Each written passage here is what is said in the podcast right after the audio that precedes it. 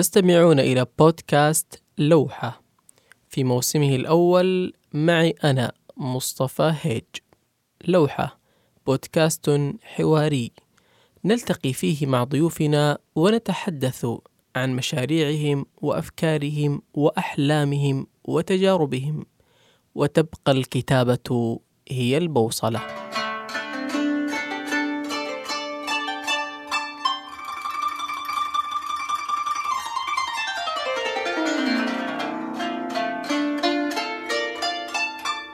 كان ضيفنا في هذه الحلقة الصحفي والروائي والقاص محمود تراوري. تحدثنا كثيرا كثيرا عن مكة وعن أحلامه وعن همومه وعن تجاربه. كان حديثا لذيذا وتبقى الكتابة هي البوصلة.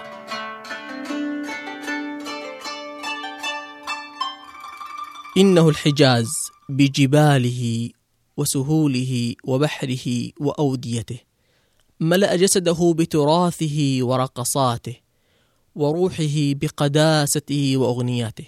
كتب لمكة وأهلها ولشمسها يقول شمس مكة تحبنا كثيرا فما إن غامت السماء ونزلت بعض القطرات حتى مزقت السحب بيديها القويتين وعادت تحدق إلينا من جديد. وعن زمزم مبخرة بالمستك وجيرانها سطر وتقفى آثار المهاجرين إليها من بلاد الخضرة والعشب والنهر الذي في كف ميمونة.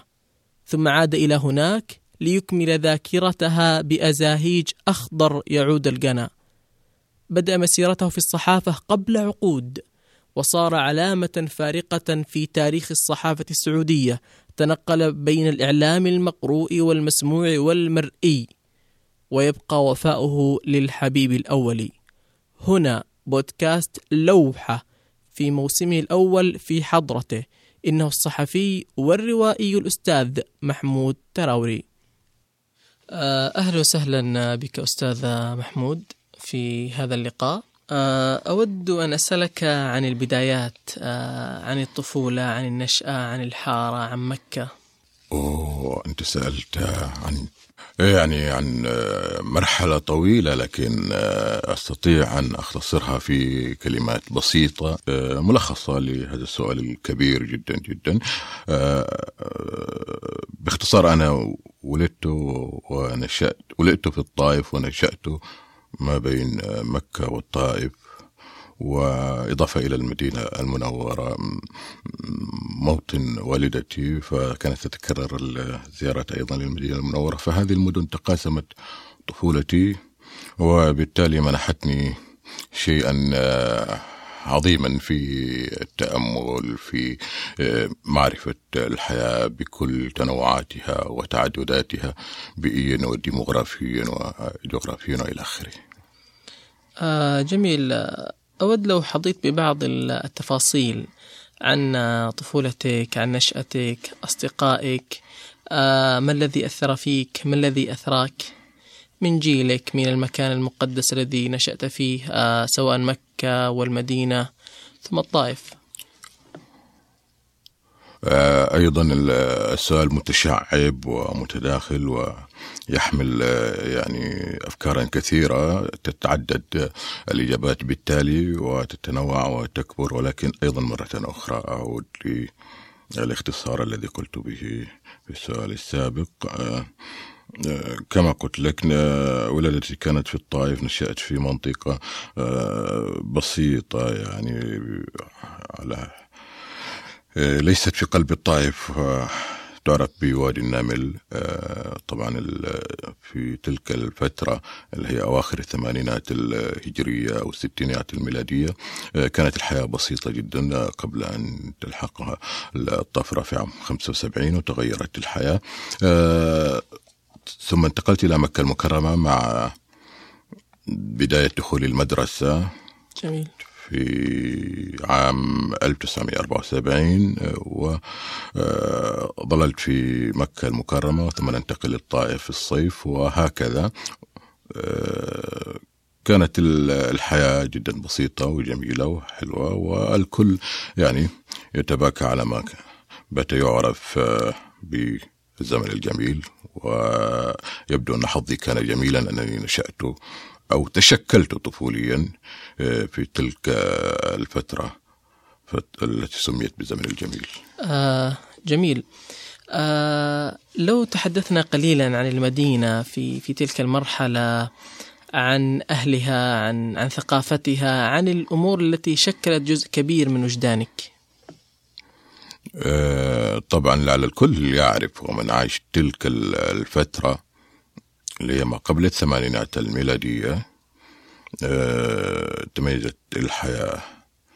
طبعا البعض آه، عندما يتحدث يبالغ في الثناء عليها بحيث يقدمها للمستمع من الأجيال التي لم تعيشها كأنها آه، صورة وردية مثالية وأعتقد أن هذا مرجعه إلى خلل ما في آه، الخطاب العربي في عقلية التفكير.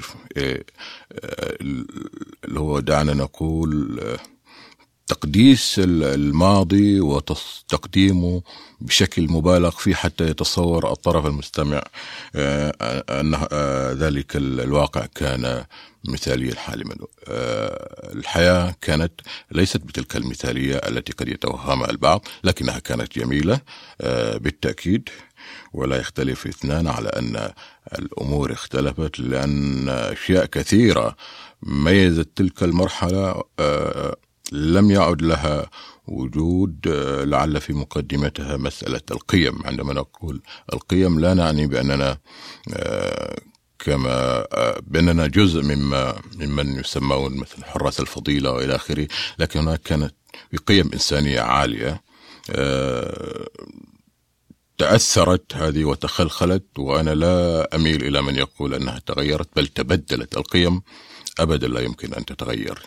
لكن تبدلت وبالتالي تبدلت تبدل إيقاع الحياة بشكل عام واختلف عما عشته أنا في طفولتي على صعيد تبدل القيم وتغيرها يعني هل من الممكن أن يصل الإنسان إلى مرحلة أن يشعر بنوع من الغربة في مدينته الأم؟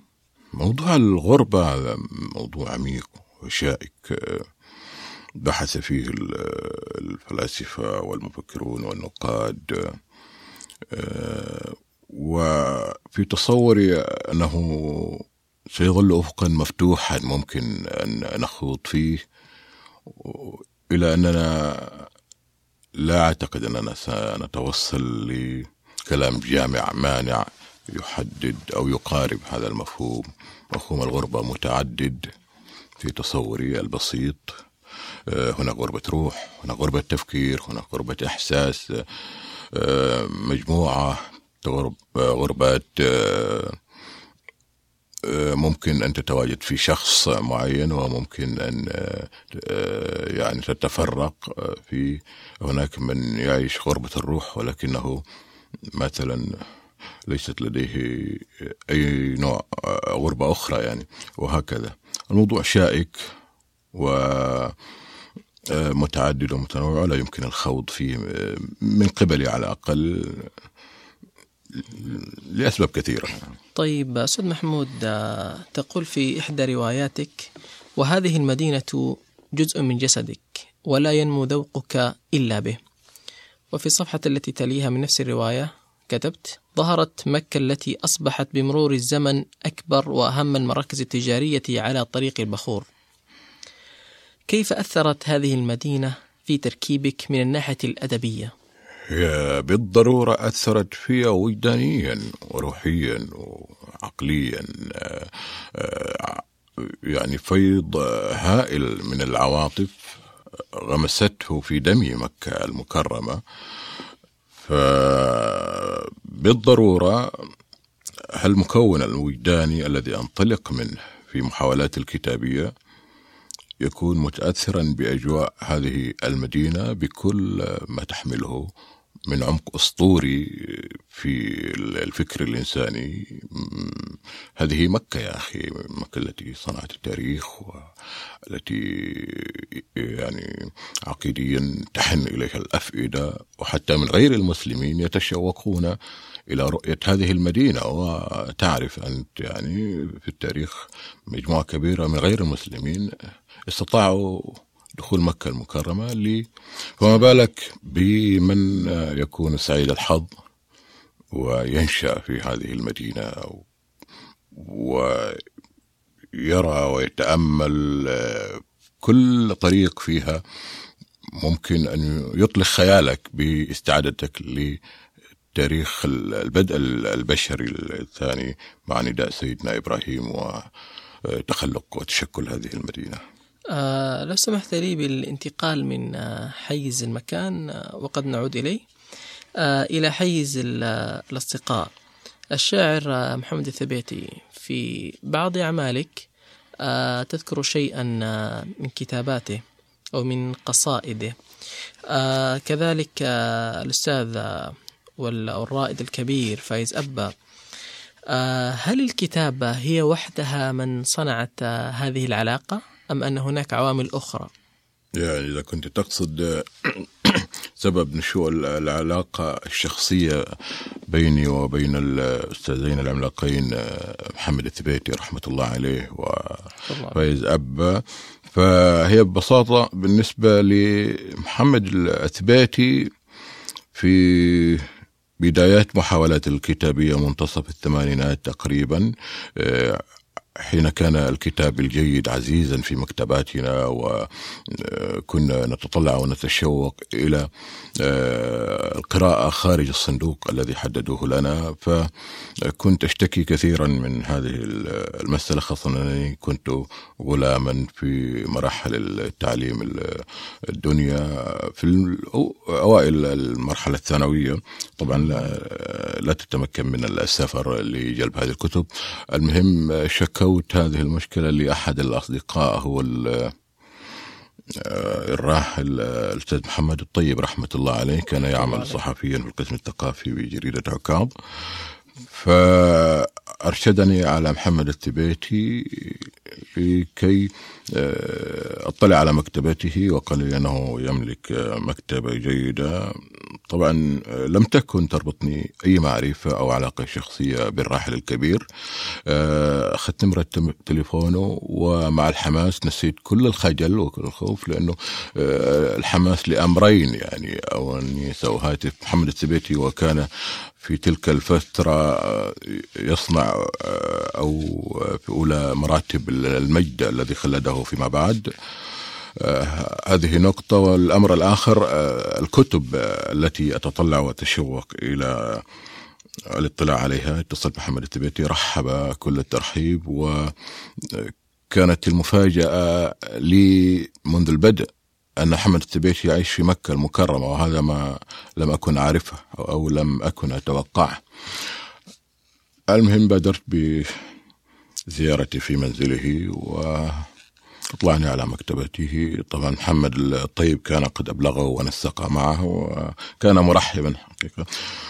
من هنا بدأت علاقتي بمحمد التبيتي إلى أن أستطيع القول أنه أصبح أبا روحيا لي ولمجموعة من الأصدقاء الذين كنا تلمسوا دروب الأدب والكتابة في تلك المرحلة. فائز الأمر مختلف. الأستاذ فايز أبا الأمر مختلف. كونه أحد الجيران أحد أبناء الحي حي دحلة الرشد أو حارة الرشد في المسفلة هي جزء من حي المسفل الكبير الذي تتعدد فيه الحارات الصغرى فهو ابن لهذه الحارة وأحد يعني الرموز التي كانت تفتخر بها الحارة لكن لفرق السن بيني وبينه لم ألتقي به لأنه غادر بعد تخرجي من الجامعة إلى جدة حيث العمل والتعيين إلى آخره وكنت طفلا أنا طبعا لكن تعرفت عليه فيما بعد عندما بدأت أكتب نفس الشيء نفس ما فعله محمد الثبيتي حكاية التوجيه في القراءة النقد البناء الاهتمام أشياء كثيرة جدا استفدتها من الاثنين. رحم الله محمد الثبيتي وحفظ الله لنا الأستاذ فايز أبا آمين آه اذا العلاقة ليست آه علاقة صداقة فقط ولا زمالة في في الكتاب وإنما هي علاقة أبوة واحتواء وتوجيه. هكذا تريد أن تقول؟ بالضبط رغم أن الاثنين لو سألتهم هذا السؤال لرفضا هذا المنطق وكان أحد المحرضين بالنسبة لوعينا وفكرنا على قتل الأب يعني قتل الأب بالمعنى الرمزي هما يرفضان هذا ويفرحان جدا عندما نتعامل معهم كندين يعني وأعتقد أنه المثقف الحقيقي دائما يكون هكذا في تقديري عن الكتابة لنتحدث قليلا آه كيف اكتشفت هذا الفعل هذا هذه الممارسة الجليلة؟ يعني أنا حتى أكون صادقا أقدر أقول لك لا أعرف لكن دعني أروي هذه القصة. طبعا البيئة التي نشأت بها كانت بيئة تحرضك على إقامة علاقة لك مع الكتاب. ليس بالضرورة طبعا أن تكون كاتبا فيما بعد لكن على الأقل يكون لك علاقة بالكتاب. مدينة عظيمة كمكة المكرمة. المكتبات تزين شوارعها وتلتف بها حول المسجد الحرام. في مكتبة باب العمرة في مكتبات فيجيات مكتبات في الشامية. وأنت كطفل بحكم أنك تسكن في حي قريب للحرم ملاصق وحي المسفلة.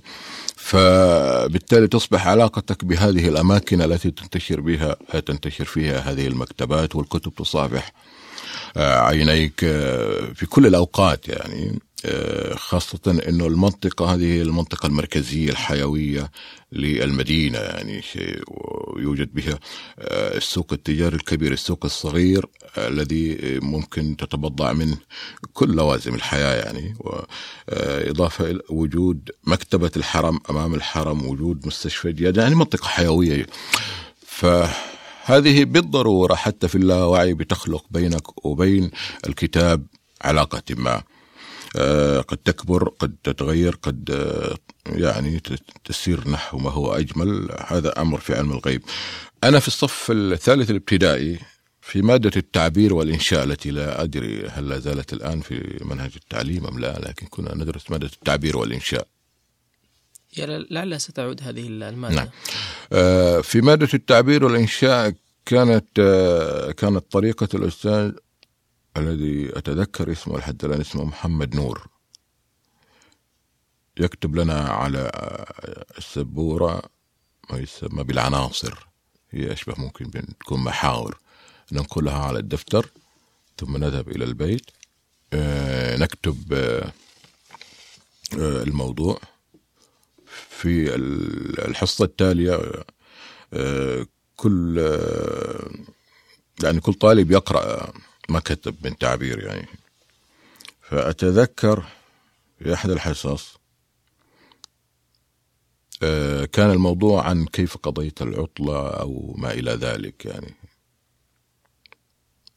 ذهبت إلى البيت وكنت متحمسا وقلت لك أنني كنت أقضي فترة الصيف في الطائف والطائف مدينة حيوية كانت المصيف الأول للمملكة في حقبة السبعينات وما قبل يعني. وأنا في طفولتي هذه كانت في السبعينات يعني من أوائل السبعينات إلى منتصفها. ف كنت مستمتع وأنا أكتب وأروي الحياة الجميلة التي عشتها في الطائف ما بين البساتين والجبال والرحلات إلى آخره. استمتعت وأنا أعتقد إنه الكتابة هي جزء من الاستمتاع. كنت أستمتع وأنا أكتب هذا هذا الموضوع وقرأته ف الأستاذ أقول إنه محمد نور. الأستاذ محمد نور كأنه غضب. وقذف في وجه الدفتر وقال بالعامية أنت بطل تنقل من الجرائد. عجيب. الزملاء في الفصل لم يهتموا لكن أنا أعجبت بنفسي أنني لم أغضب يعني كنت فرحا جدا يعني. إذا كنت هذا ما أكتبه يصل إلى مستوى أتصور أنه منذ تلك اللحظة تعلقت أكثر بشيء اسمه قراءة وكتابة وإلى آخره. وصلت للصف الرابع الابتدائي بدأت أراسل الصحف أراسل المجلات وأعتقد هذه هي الخطوة الأولى للشغف شغفي بالكتابة والصحافة معا يعني. جميل يعني اللحظة التي طار فيها دفترك هي اللحظة م. التي أدخلتك إلى الكتابة أنا أتصور في اللاوعي لا لا أستطيع الجزم بذلك لكن أتصور أن هذه الحكاية ربما لها تأثير في اللاوعي دون أن تدري. يعني إضافة إلى المناخ العام المؤثر الذي قلت لك أننا نعيشه. البيت آه، في أسرة قارئة الوالد لديه مكتبة آه، وإن كانت آه، طبعا يغلب عليها الكتب الدينية لكن أنا كنت ألتقط من هذه الكتب الدينية ما يتعلق بالحكاية بالتاريخ. كنت مغرما بالتاريخ. الجانب السردي. نعم الجانب السردي. خاصة تاريخنا الإسلامي الذي كنا نراه هو الأمل والحلم ونراها يعني زاخر بالبطولات البطولات والأمجاد فنوع من آه، الشغف بهذه الأشياء يبدو لي عمق فيها مسألة آه، حب القراءة اولا ثم كانت الكتابة فيما بعد يعني. جميل هل كان هناك ممارسات أو محاولات لممارسة الكتابة من من جانب أقرانك مثلا في في الحارة أو في المدرسة أو في المصيف الطائف؟ نعم آه، الجيل يعني جيلي أنا طبعا آه، كانت آه، وسائل الترفيه له محدودة جدا يعني ليست آه، كما هي اليوم يعني وسائل ترفيهنا كانت هي الانطلاق في البراري والقفز بين الجبال والأشجار والبساتين فقط. وهذه طبعا قد لا تكون متوفرة في كل الأوقات ربما أحيانا الأهل يعني يحاصرونك فلا تستطيع فلم تكن هناك من وسيلة وسيلة تسليه إلا الكتاب يعني. وأتذكر جيدا انه معظم أندادي وجيلي كانت لنا علاقة بالقراءة حتى لو ما كان كتابا في الطفولة المبكرة مثلا القصص المصورة والكتب الألغاز كنا نتبادلها في المدرسة إلى آخره.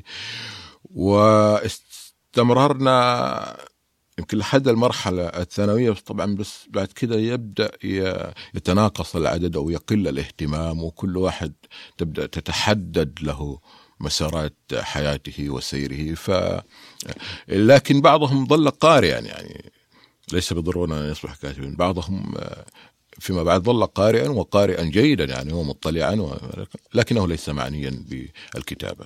في عام 1983 آه، التحقت آه، بالصحافة كانت آه، مرحلة مبكرة في حياتك حسب ما قرأت في سيرتك العامرة بأن هذه الفترة كانت قبل تخرجك من الجامعة ما الذي قادك إلى الصحافة أو بين قوسين مهنة المتاعب؟ يعني تحديدا لا أعرف بس الذي أعرفه جيدا أنني منذ طفولتي كنت مغرما بالإعلام بال الراديو والتلفزيون بالصحف. آه، الراديو كان لا يفارق أمي ولا يفارق أبي لكل منهما راديوه الخاص يعني. أبي يستمع إلى مغرم بالاستماع إلى الأخبار والوالد رحمهما الله الاثنين الوالدة كانت مغرمة بالمسلسلات والدراما الإذاعية إضافة إلى الأخبار يعني. فأنا نشأت في هذا الجو يعني آه، يعني إجبارا أن تسمع راديو يعمل في البيت يعني أو التلفزيون إلى آخره. فوجدتني في طفولتي أميل كثيرا إلى تقليد المذيعين والممثلين آه، التمثيل. ف منذ تلك اللحظة أو تلك الأيام علاقتي كانت بالإعلام واستمرت ويبدو أن هذا هو السبب الذي دفعني طبعا فيما بعد آه، في أنت ذكرت عام 83 أنت ذكرت عام 83 عام 83 كنت في المرحلة المتوسطة في الصف الثاني يبدو لي أو المهم كان في داخل المدرسة مدرسة التربية الرياضية جار لنا في الحارة وفي نفس الوقت يعمل صحفيا متعاونا مع جريدة عكاظ. وكان يلحظ لدي هذه الاهتمامات بالإذاعة المدرسية بكت... يعني بعض الكتابات التي تتعلق بالإذاعة المدرسية بعض الفقرات إلى آخره. في نشاط الصحافة كانت المدارس تهتم بالنشاط اللاصفي وكان من ضمن هذا النشاط آه، جمعية الصحافة. يعني كنا ننتج ما يسمى بالصحف الحائطية. وكنت مغرم جدا أيضا بانتاج هذه الصحف وأمارس من خلالها آه، توجيه النقد لبعض الأشياء في المدرسة سواء لبعض المدرسين لبعض بعض الطلبة في الممارسات الرياضية وحصلت لي يعني أحيانا كانت يعني تضحك بعض الناس وتغضب بعض الناس. من هنا بدأ شغف الصحافة. في تلك الأيام بدأت أراسل جريدة ندوة عن طريق البريد. أكتب بعض التعليقات الرياضية وبعض يعني الأفكار الاجتماعية البسيطة فتنشر في صفحات القراء وإلى آخره إلى أن يعني تعرفت على المسؤولين في مقتربت وعملت في جريدة الندوة بس بشكل يعني هاوي وبسيط جدا أه، هل تتذكر أه، أهم الصحف الحائطية التي شاركت فيها وأحدثت نوعا من الضجة بنقدك المعلمين أو شيء من هذا؟ الصحف الحائطية طبعا كنا نسميها أحيانا كعناوين كذا وتعلق في ممرات المدرسة صحيفة الأضواء صحيفة آه، يعني نور بلال بلال نسبة إلى آه، اسم المدرسة التي كنا فيها متوسطة بلال بن رباح في مكة المكرمة. يمكن من المواقف الطريفة التي أذكرها بشيء من ال ال يعني ذكرى جميلة ولكنها حزينة في نفس الوقت لأن بطل القصة توفي رحمه الله. رحمه. آه كان زميل لي في المدرسة وكان يتمتع بموهبة طيبة في كرة القدم. وكان قصير القامة. فيبدو أنه منتخب المدرسة وصل إلى المباراة النهائية على مستوى مدارس مكة المكرمة. وخسرنا المباراة النهائية وكانت يعني أغلب الانتقادات أو اللوم على هذا اللاعب أنه ضاع كثيرا ولعب ذلك اليوم بما يعني اعتبروه شيء من الغطرسة والغرور وإلى آخره. فأذكر أنه كنت خصصت زاوية أصبح أشبه بانتقادات لاذعة كذا. قلت قصير القامة ما, ما إلى آخره فعل وفعل ومدري إيش وسيظل قصيرا ما لم يتغير. ف يبدو أنها كانت واضحة بما يكفي فطبعا تحول إلى آه، موضوع سخرية ويتندر عليه الأصدقاء يعني الزملاء في المدرسة فجاءني يعاتب غاضبا وإلى آخره. لكن ظللنا أصدقاء هو من أبناء الحي يعني هو زميلا وبعد ذلك انتقلنا إلى المرحلة الثانوية هو بعد المرحلة المتوسطة آه، ذهب إلى مجال آخر. أظن السلك العسكري وللأسف آه، في إحدى عوداته من منطقة عملي في المنطقة الشرقية تعرض إلى حادث في الطريق وانتقل إلى رحمة الله. هذه من الأشياء التي لا تغيب عن ذاكرتي. بالنسبة لتجربتك الإعلامية بدأت آه، من الصحافة ثم إلى الإذاعة إذاعة جدة. وفي مرحلة عملت في الإعلام المرئي أو التلفزيون ثم عدت إلى الصحافة. ما الذي عاد بك؟ الشغف بالتحدي. أنا عندما تركت الصحافة الورقية انتقلت إلى الصحافة التلفزيونية في قناة إقرأ عام 98 لم يكن لدي موقف يعني من الصحافة الورقية وما إلى ذلك لكن كنت مضطرا إلى ذلك لانتقال آه، الجريدة الرياضية التي كنت أعمل محترفا ومتفرغا فيها إلى الرياض وأنا ظروفي الأسرية والاجتماعية لم تكن تسمح لي بالانتقال معهم إلى الرياض. جاءت فرصة بعرض من الدكتور عبد القادر طاش رحمة الله عليه عند تأسيس قناة إقرأ الفضائية.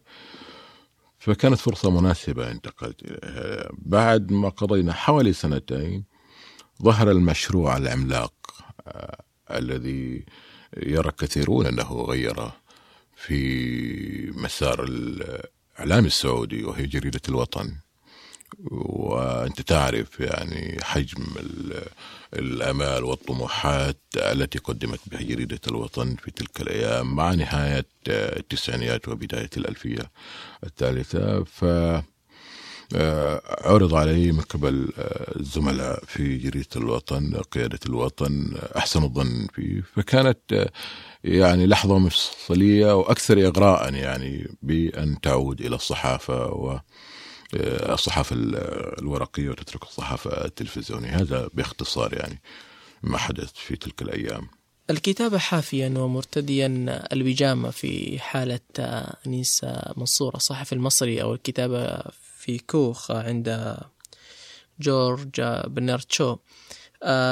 محمود تراوري ما هي طقوس الكتابة الإبداعية لديه؟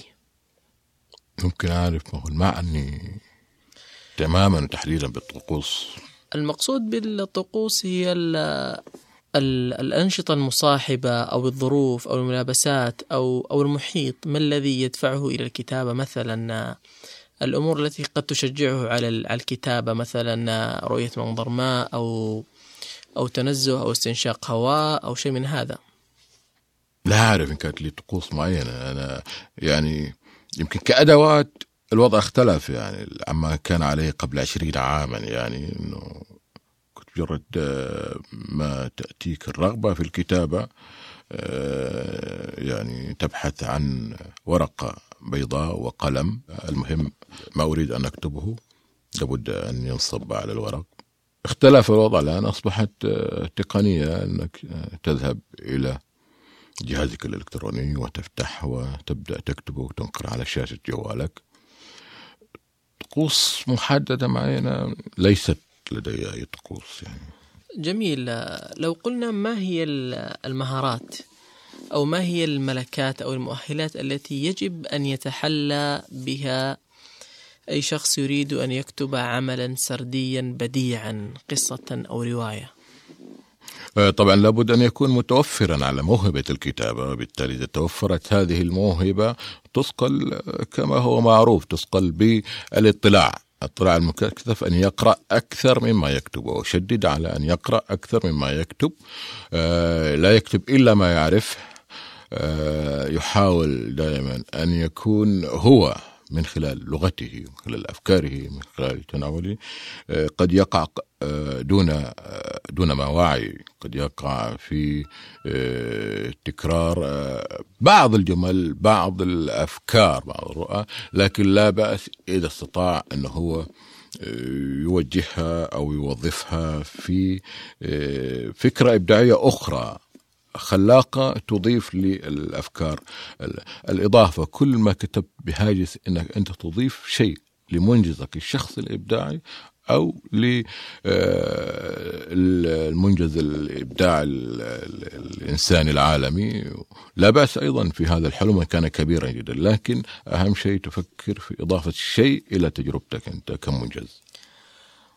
كأني أفهم من كلامك أنك تقف موقفا سلبيا من الدورات التي يقول أصحابها بأنها تساعد على الكتابة الإبداعية وعلى اجتراح الأفكار الجديدة وعلى بناء نص ممتاز.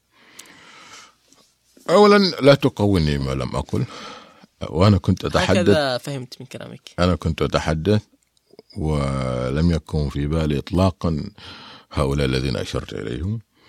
ونتمنى لهم التوفيق والنجاح والسدد و آه، ما ليس لدي أي تعليق على هذا الموضوع إلا يمكن مستقبلا ربما نرى آه، نتائج تكون جيدة وبالتالي آه، يعني تنفي تحفظنا. أنا أتحفظ فقط يعني.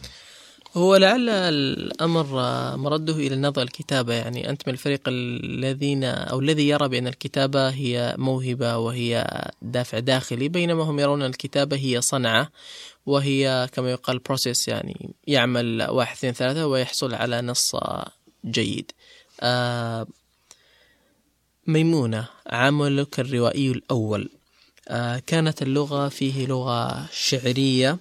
ثم تناقصت هذه اللغة تدريجيا في أخضر يعود القنا العام الروائي الثاني وظهر هذا جليا في جيران زمزم هل توافق على هذا؟ وافق على ماذا تحديدا بالضبط؟ على تناقص اللغة الشعرية في أعمالك يعني هو دائما أنا أحاول تجنب الحديث عن تجربتي الشخصية لأني قد أقع فيما لا أريد أن أقع فيه لكن إذا تأملت في الموضوع أنا طبعا تتفاجئني الآن بهذا بهذا السؤال أو بهذا الرأي. هو سؤال يعبر عن رأيي يعني. إذا تأملت في الموضوع أستطيع أن أشير إلى أن كتابتي في التجربة الروائية الأولى الميمونة قبل أكثر من عشرين عاما كنت في أواخر الثلاثينات من عمرهم تسعة وعشرين. ف طبعا بدأت أهجز أفكر في كتابة ميمونة وفي رسم خطوطها الأولى في مرحلة قبل يعني في يمكن في عام 95 كنت وقتها نحن كأمة ككتاب وتغير الشعراء. أصلا ذاكرتنا شعرية. مكوننا شعري. نحن أمة لغة و آه، كل المحسنات البديعية وإلى آخره. فكل ما كنت في صاحب تجربة أقل ووعيك الفني أقل أنا أعتقد أنه بالضرورة أنك تكون واقع تحت هذه حمولة هذه الذاكرة التاريخية الطويلة التي تمتد من أيام له بصحنك فاصبحين إلى دخلت مكة مزملا يعني. الذاكرة الشعرية حتى في اللاوعي بالضرورة أنها تظهر في كتاباتك. لكن مع تقدم السن مع تراكم التجارب يبدو لي إنك تبدأ تستوعب يعني فيما هو آه، فارق ما بين لغة الشعر ولغة السرد. على سيرة الكتابة الإبداعية ما الفرق بينها وبين الكتابة الصحفية؟ آه، الكتابة الصحفية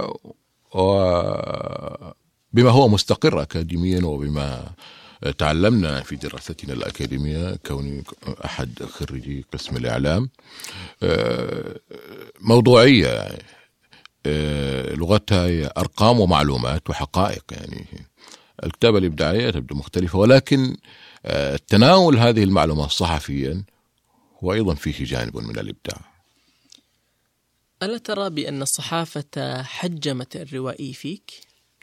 لا اطلاقا وأقولها بكل طمأنينة لاني على الفور آه، آه، أتذكر آه، أحد أشهر روائي العالم جابرييل جاريسا ماركيز.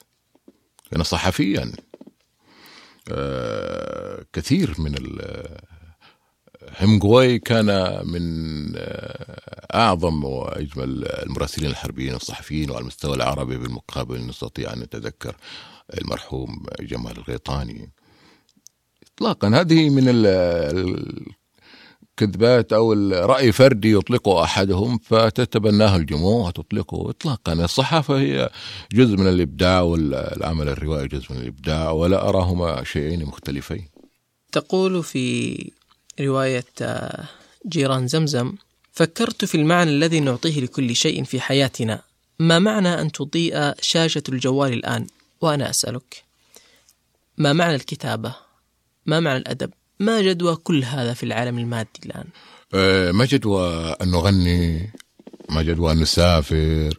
ما جدوى أن آه، نعمل في الحقل ما جدوى أن نصنع حلوى آه، الكتابة أسلوب من أساليب الحياة والعيش ولهنني آه، أنت تذكرني هنا ب أمبرتو إيكو يقول أنه توصل مع صديق له بعد دراسات إلى أنه لكي تستمر في هذا العالم الرهيب لابد أن تنتج شيئين يعني أن تنجب أطفالا وتصدر أو تصدر كتابا يعني. ونحن أنجبنا أطفالا وأصدرنا كتبا وترهات عظيم. آه التمييز العنصري أو النبذ إن صح التعبير آه استخدمت هذا المصطلح في جيران زمزم. تدور آه، أعمالك الروائية الثلاثة بطريقة أو بأخرى بدءا من ميمونة وأهلها في في بلدهم قبل الهجرة إلى الأراضي المقدسة. وكذلك في أخضر يعود القنا وأيضا في زمزم فهل توافق على القائلين بأن كل أعمالك يعني تدور حول هذا كمركز رئيسي؟ وأنا أعتقد آه، أنت ككاتب كمبدع بشكل عام سواء كنت موسيقيا أو كنت سينمائيا أو آه، تحاول أن تكتب رواية أو شاعرا أعتقد أنه من الأجمل أن آه، تكون لك آه، تكون لك هوية هوية كتابية تنطلق منها أنت في معالجة أعمالك بحيث تعالجها بتعدد وتنوع الأفكار والقصص التي تحملها هذه هويتك الكتابية. يعني الآن ناخذ عربيا مثلا عندما نتذكر آه، عندما يعني ترد على أذهاننا الصحراء يعني على الفور يذهب ذهننا إلى إبراهيم الكوني يعني بعوالم الصحراء التي شكلها في معظم روايته وأصبحت هي هويته وقضيته. آه لا أزعم أنني يعني امتلكت هوية معينة كتابية لكن أستطيع الزعم بأن كل أعمالي تتعلق بما هو ضد هذا النبذ النبذ بكل أشكاله يعني سواء كانت الطائفية العرقية المذهبية الطبقية. آه، آه، الطبقية بحيث آه، أحاول من خلال أعمالي هذه البسيطة أن تكون صرخة تعيد الاعتبار بشكل أو بآخر للقيم الإنسانية يعني فقط.